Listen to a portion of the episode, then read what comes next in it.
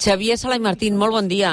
Hola, hola, com anem? Bon dia. Aquí de roda de premsa, en roda de premsa, però més que oportuna avui la, la teva presència al programa, perquè ara està valorant eh, Yolanda Díaz, la ministra de Treball i Economia Social, diu els ERTOs és la millor fórmula per afrontar això perquè fa que no es destrueixin eh, llocs de treball i que, i que la gent que eh, que n'està patint les conseqüències doncs tingui la seguretat que, que la tindrà a la feina. De tota manera, Xavier Sala i Martín, eh, algunes de les mesures que tu fa dies i setmanes que ens, eh, a través de l'antena comparteixes amb els oients que s'havien de prendre no s'estan prenent, eh? No, no, no, no.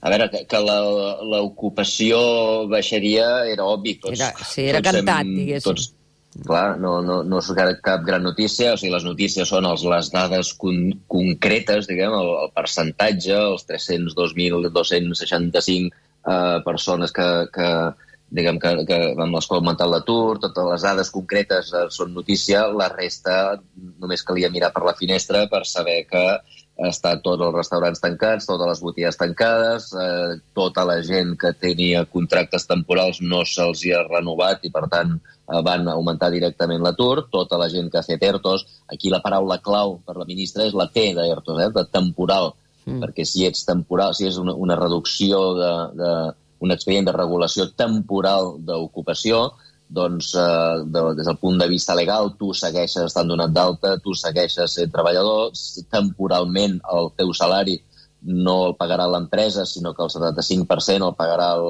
el, la, el govern o la Seguretat Social, i, i, i que, que això estava passant ho sabíem tots. Uh, clar, el que no ens pot explicar ni la ministra ni ningú és quant de temps durarà, perquè això dependrà de si el, el doctor Mitjà troba la solució o no, o el doctor Mitjà o els, o els altres 12.000 uh, investigadors que hi ha per, per tot el món que, que estan fent experiments i estan in, intentant trobar solucions, doncs si la cosa se soluciona aviat, la, això no anirà més i es recuperarà de seguida. Si això diguem, perturba l'activitat durant mesos i mesos, les tests deixaran de ser tests i seran, seran permanents, eh, les empreses tancaran eh, i, per tant, hi haurà, hi haurà una crisi catastròfica grossa. Uh, ara, ara mateix fer prediccions no es poden fer perquè no, perquè no sabem ben bé mm. uh, no sabem ben bé quan durarà. El mm. que sí sabem, com deies tu, és que no no s'estan prenent uh, mesures... O sigui, l'ideal, per entendre'n, seria posar l'economia al congelador, no? Mm. Perquè eh, de manera que, que, que si poguéssim, tornéssim al que passava l'1 de, a l'1 de març, eh? mm. tothom anés al lloc de treball que tenia l'1 de març, això vol dir mantenir vives totes les empreses, mantenir vius tots els llocs de treball, eh, i estar un mes o dos mesos o tres mesos al congelador, i per això cal ajudar. El que passa és que el govern no està ajudant a les empreses, els està dient busqueu-vos la vida, demaneu crèdit, els hi requereix que paguin impostos, els hi requereix que paguin eh, igualment, dir, com si, com si estiguessin treballant normalment, es requereix en els autònoms que passin cotitzacions com si estiguessin cobrant, i tothom sap que no estan cobrant, i tot això el que a poc a poc va fent és matant l'economia, no estan mantenint-la al congelador, i quan més mori, quan més trossos d'economia morin, quan més empreses, quan més bars, quan més restaurants, quan més botigues tanquin, doncs més, eh, més difícil serà recuperar-se.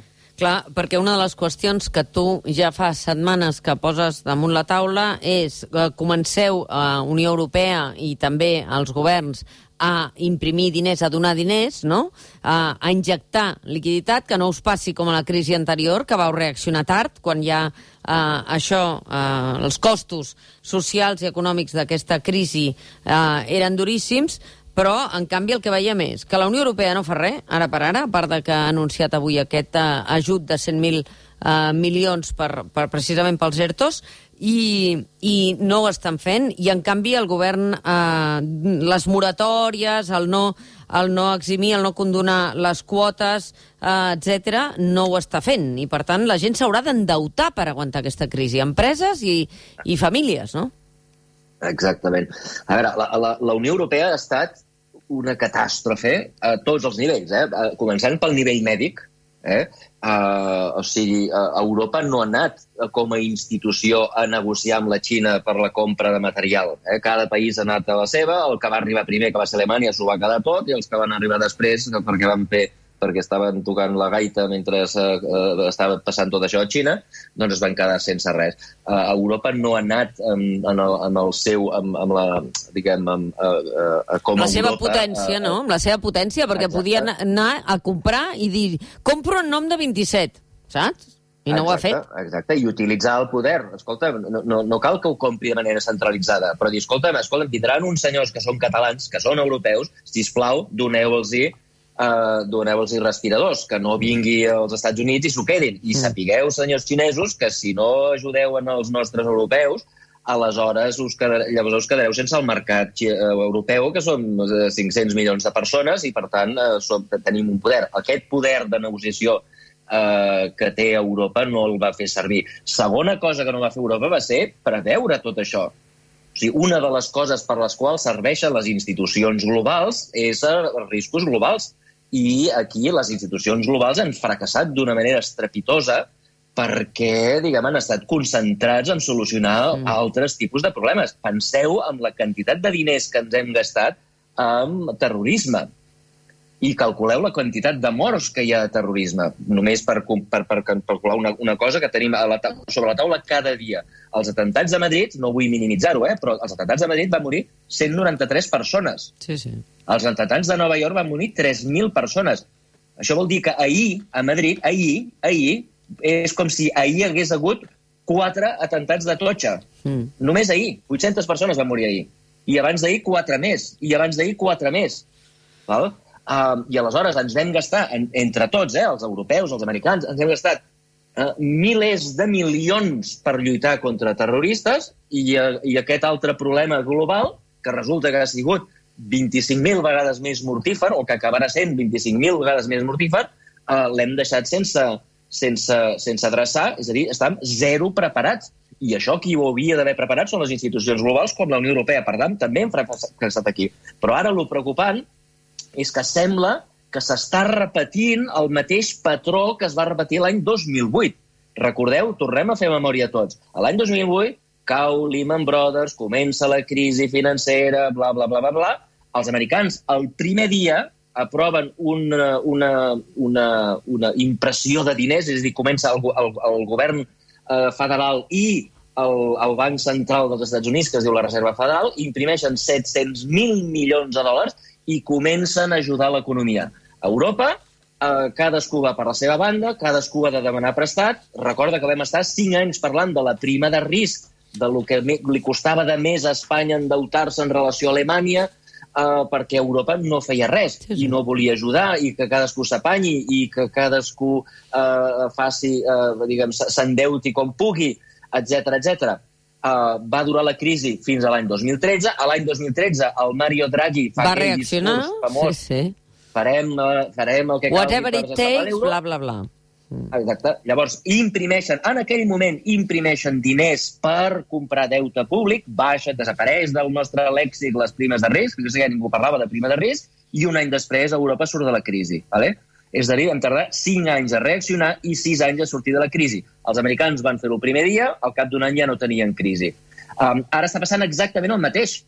Mm. Els americans, recordeu que estem tot el dia donant notícies de que s'esbarallen els demòcrates i els republicans i es barallen fins al punt de que hi ha vegades que no aproven el pressupost i han de tancar el govern. Recorda que fa un any estàvem parlant de que els americans havien tancat el govern sí, sí. perquè no es posaven d'acord. Doncs bé, els americans van tardar 24 hores a aprovar un paquet demòcrates i republicans i aquesta gent que no es traguen entre ells i que no es posen d'acord en res, un paquet de 2.000, de 2 bilions, uh -huh. 2 bilions de dòlars, el, el Banc de la Reserva Federal, diguem, el Banc Central Europeu, versió americana, imprimeix diners, els hi dona el govern i el govern els reparteix 1.250 dòlars per cada ciutadà, els hi dona, pum, pum, pum, pum tots, tots tenen eh, i uh, rescatar empreses, donar calés a totes les empreses que calgui, que ningú faci fallida per congelar l'economia. Van tardar 10 minuts a fer tot això, 24 hores.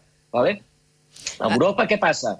Doncs una altra vegada igual, que cadascú s'apanyi, que clar, és que els, eh, els europeus, els nord, nord i sud, nord i sud, d'Europa... Sí, sí. Exacte, i barallant-se, i catapim, patapim, patapam... I a veure, d'alguna manera, els europeus del nord tenen raó quan diuen escolta'm, és que encara no heu eh, fet els deures que veu prometre que faríeu arran Mm. de la primera crisi. Sí. Recordeu que veu prometre que el deute baixaria per sota del 60%, el deute espanyol Ja segueix estem per al sobre 100%. del 100%, Sí, sí. el, vau prometre que el dèficit baixaria, eliminaria el dèficit, en temps de bonança cal estalviar, cal tenir superàvit, no dèficits petits, sinó superàvits. A Espanya segueix tenint un dèficit eh, eh, abans de la crisi, eh, fa poc vam saber, el dèficit del 2019 era de 2,5%. Mhm. 2,5%. A sant de què Espanya... Eh, perdona, 2,7%. Sí, sí. I l'any anterior havia sigut del 2,5%. És a dir, totes les promeses que va fer Espanya per sortir de la crisi anterior les han incomplert. I, per tant, els holandesos diuen, però què collons és això? Ara voleu que us ajudi si, si quan vosaltres dieu que fareu deures no els feu? Val? I, per tant, d'alguna manera tenen raó. Les condicions que van posar els europeus per sortir de la crisi anterior, Espanya les ha incomplert. Dit això, em sembla que no és el moment no està el moment, la gent s'està morint. Insisteixo, a Espanya 800 cada dia, no és el moment de fotre el dit a la nafra i dir, ah, és que vosaltres no veu fer els deures.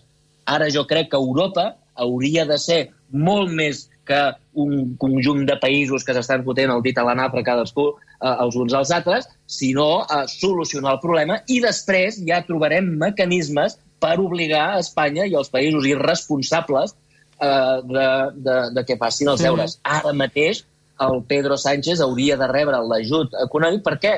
Perquè és que si no el rep, passarà el que dèiem abans. Començaran a tancar empreses i una empresa tancada no es tornarà a obrir. Sí. Un cop tanqui el restaurant i el bar, no tornaran a obrir.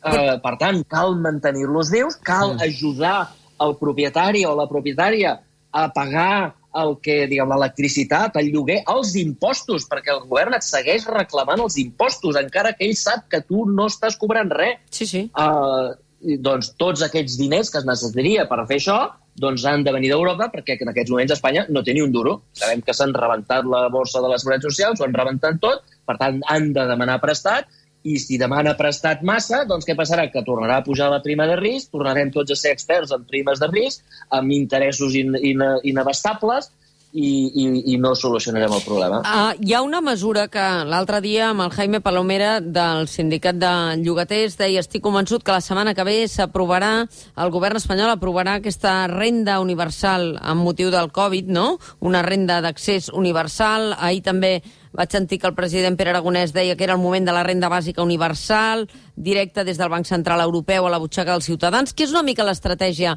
que deia Sala Martín. Injecteu líquid ja. Injecteu líquid com, com s'està plantejant des dels Estats Units, no? Perquè la gent tingui el suficient com per eh, congelar l'economia durant un temps i tornar a començar. Uh, això arribarà tard o encara arribarà temps si es fa la setmana que ve? Uh, no, bueno, si, es fa la setmana que ve, doncs estarà bé. El, el, veure, insisteixo, als Estats Units això va fer el primer. El primer. I, I això estem parlant de, de que ho ha aprovat els demòcrates i els republicans, és a Mm. dir, els que figura que diuen que el govern no ha d'intervenir, tothom entén, liberals, de dretes, d'esquerres, que el govern ha d'intervenir, perquè el que no pot ser és que tu prohibeixis a la gent anar a treballar i després no els donis els mecanismes per no anar a treballar. Si Mm. tu a la gent li prohibeixes anar a treballar i es mora de gana, què fotrà? Doncs sortiran a treballar. Mm. I, i, I en aquests moments el que necessitem és que la gent es mantingui a casa. I, per tant, eh, aquí estan d'acord els republicans, els demòcrates, tothom està d'acord que cal ajudar a que la gent es mantingui a casa i cal ja posar un, un ull als ulls, eh, diguem, en el moment en què es, es tregui el confinament, de que la gent pugui tornar a un lloc de treball i, per tant, eh, cal ajudar-los ara. Els Estats Units que han fet un xec de 1.250 dòlars per cada adult i un xec de 500 dòlars per cada nen. De manera que cada família de quatre, eh, una família de quatre, eh, dos adults i dos nens, eh, cobraran 3.500 dòlars al mes eh, mentre duri això. Això permet que la gent pugui estar-se a casa tranquil, sense saber com pagarà l'electricitat, com pagarà eh, els impostos, com pagarà la quota d'autònoms o com pagarà l'aigua, no? i com pagarà el menjar. Eh, si tu no fas això, un pare de família i una mare de família veuen que els seus nens no tenen, eh, no tenen eh, per menjar, què faran? Doncs intentaran sortir a treballar a buscar-se la vida, Mm. perquè no els hi serveix de res eh, sobreviure al coronavirus si s'han de morir de gana. i, i, si, i, i a treballar, diguem, per dir-ho educadament, perquè la meitat agafaran i se n'aniran a robar directament si no tens calés per, per mantenir-te tancat a casa, no? Per tant, el govern té l'obligació d'ajudar a totes aquestes famílies i una manera de fer-ho és això. Tenim una màquina al Banc Central Europeu que fa bitllets, doncs agafa aquests bitllets i enviar-los que el banc, o directament al Banc Central i eh, cap a les famílies, i si no poden fer-ho perquè és massa complicat, doncs collons, que agafin un helicòpter de la Generalitat ple de calés i que els vagin tirant per la finestra i que la gent eh, posi el mà per la finestra i els agafi. Uh, que, que, per, diguem, és imperatiu en aquests moments que la gent li arribi diners per poder sobreviure tancats a casa. Qualsevol altra cosa són excuses que l'únic que faran serà destruir famílies, destruir llocs de treball i obligar a fer a les famílies a fer coses que no volen fer, com serà eh, sortir a treballar quan han d'estar confinats o, encara pitjor, anar al Caprau a robar, a robar pastanegues. I el que ha passat, a, a més a més, és que hi ha hagut un tipus de pressió. Per exemple, sentíem Antonio Garamendi, el responsable de la COE, dient si el país està parado habrá paro pero no será porque las empresas quieran despedir a gente, sino porque nos empobreceremos en contra del confinament, en contra, en contra precisament de quedar-nos a casa per, per aturar el bitxoquet. Uh, aquest nivell de pressió és el que finalment acaba uh, governant uh, quan es prenen decisions, Xavier Sala i Martín? Eh, jo sobre això no puc opinar. Eh? El, el, que, per com pren decisions el govern espanyol, a mi és una cosa que se m'escapa. Mm. Uh, se m'escapa que en una mateixa roda de premsa la ministra d'Economia mm. digui que no eh, eh, redueixen els impostos de manera temporal a la gent que no està cobrant, els segueixen cobrant impostos i, i cotitzacions, s'esperen a, a, a eliminar o, o a posposar les cotitzacions a la Seguretat Social, s'esperen a, a 3 hores després d'haver-ho cobrat a tothom. Mm. O sigui, amb mala llet van aquests, aquests tios. O sigui, a, a la matinada de fa dos dies eh, cobren, van a tots els bancs, cobren les cotitzacions de tots els autònoms i tres hores després diuen, bueno, a partir d'ara posposem les cotitzacions. O sigui, està fet amb mala llet. Uh, a la mateixa roda de premsa que diu que no hi ha ni un duro i per això no eliminen les cotitzacions dels autònoms, eh, tres minuts més tard, diu, anuncia que els regalen 15 milions d'euros a, les, a les empreses més riques del país, que són les de comunicacions. Ah, Transmedia dona la impressió... Sí, sí.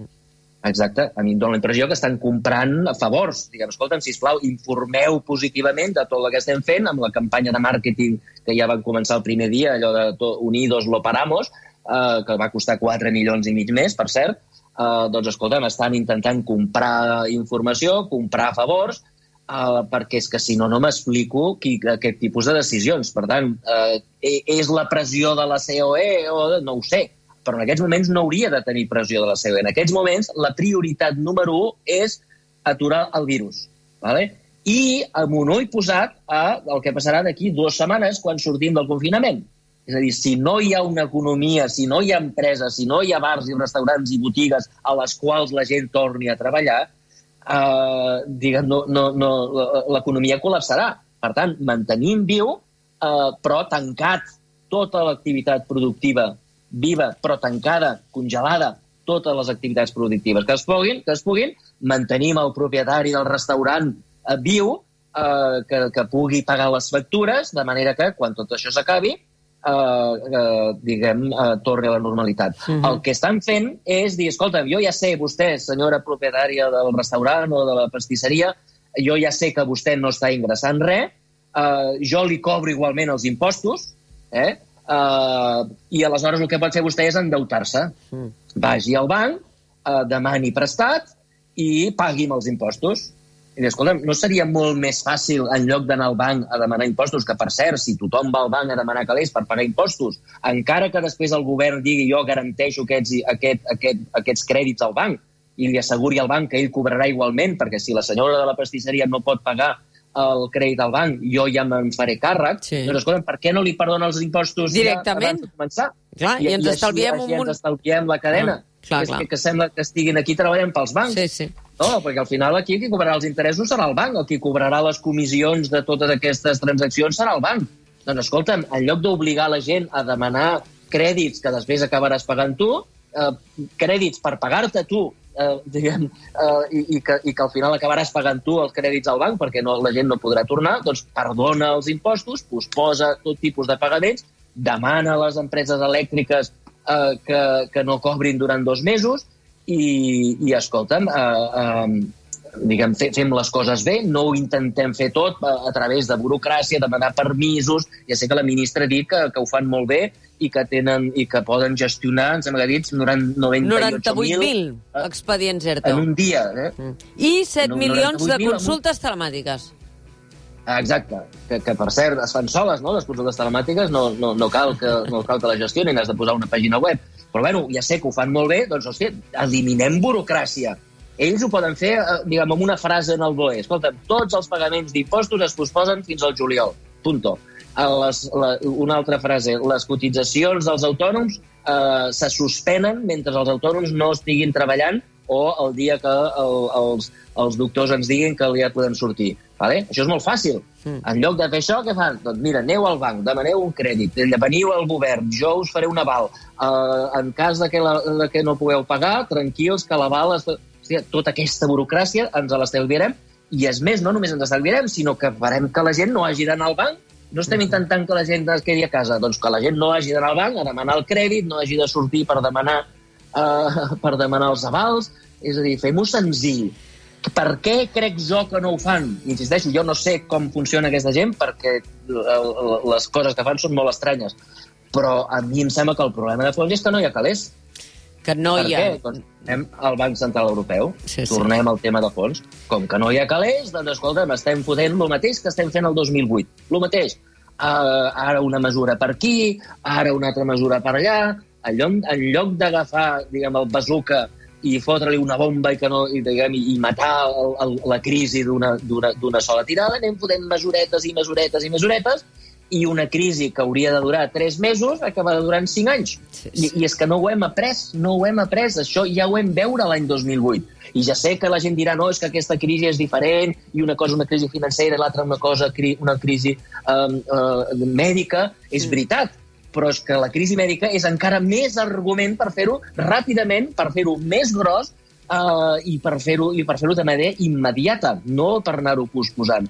Uh, si plau, tot el que vam esperar 5 anys fins a l'any 2013 per actuar a Europa, si plau, fem-ho immediatament, uh, aprenem la lliçó de l'any 2008, 2009, 2010, 2011, 2012 i 2013 i actuem de manera immediata. Deixem de posar-nos els dits a les nafres i després ja crearem, Europa haurà de crear uns mecanismes pels països que ara prometen que faran coses i després a l'hora de la veritat no ho fan. Eh? Uh, ja, ja, ja castigarem sí. Espanya ja els hi castigarem, ja els hi posarem unes normes que siguin Però ara no, ara, ara imprimiu bitllets. Però ara mateix no és el moment. Moltes gràcies, Xavier Sala i Martín. Una abraçada ben forta. Cuida't molt, confina't. Igualment, que... una abraçada a tothom i que tothom es cuidi. Que vagi bé.